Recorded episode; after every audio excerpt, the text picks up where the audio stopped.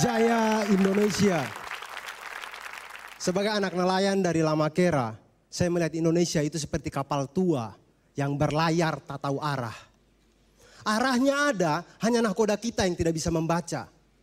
Mungkin dia bisa membaca, tapi tertutup hasrat membabi buta.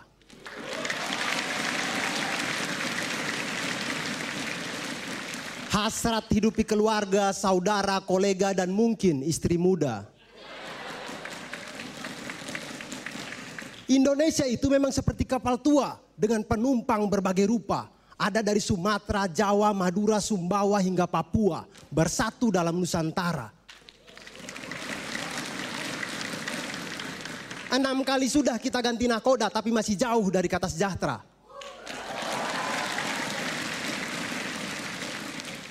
Dari dulu teman-teman, dari teriakan kata merdeka sampai sekarang, fallback dong kakak. Nahkoda pertama, sang proklamator bersama Hatta, membangun dengan semangat Pancasila dan terkenal di kalangan wanita. Ia pernah berkata mampu guncangkan dunia dengan 10 pemuda, tapi itu kan kurang satu untuk tim sepak bola. Kalau begini kapan baru kita ikut piala dunia?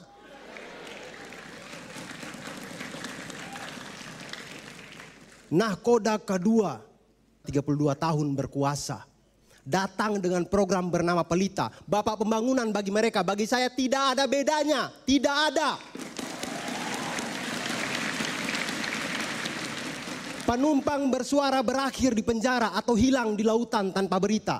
Beda dengan Dodit Mulyanto, hanya modal biola saja terkenal di Indonesia. Nahkoda ketiga, sang wakil yang naik tahta, mewarisi pecah belahnya masa Orba.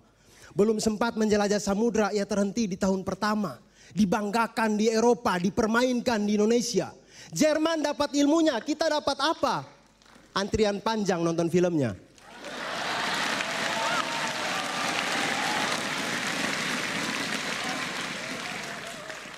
Nahkoda selanjutnya, sang kiai dengan hati terbuka. Ia terhenti dalam sidang istimewa ketika tokoh-tokoh reformasi berebut istana. Potong bebek saja. Gitu aja kok repot, kata Gus Dur featuring Ursula.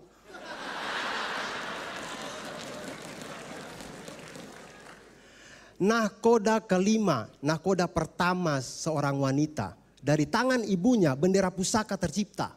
Kata bapaknya berikan aku sepuluh pemuda, tapi apa daya itu di luar kemampuan ibu beranak tiga.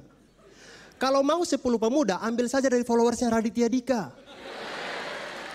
Cemunggut ya kakak. Nah koda keenam bagian A. Kenapa bagian A? Sengaja biar tetap pada rima A. Dua pemilu mengguli perolehan suara, dua kali disumpah atas nama Garuda, tapi itu hanya awal cerita. Cerita panjangnya terpampang di banyak media. Lapindo Munir Senturi Hambalang kami menolak lupa.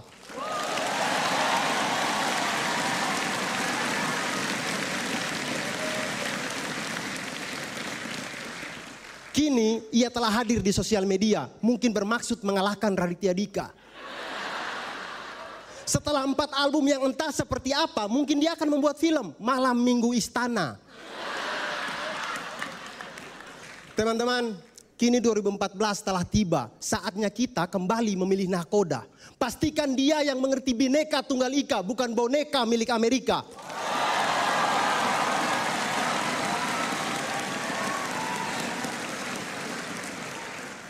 Dia yang mengerti suara kita. Suara kalau Indonesia bisa. Bukan suara aita kata ya, ya atau fallback dong kakak. Inilah cerita kapal tua kita. Ada yang tidak percaya? Ada? Sudah kalian percaya saja.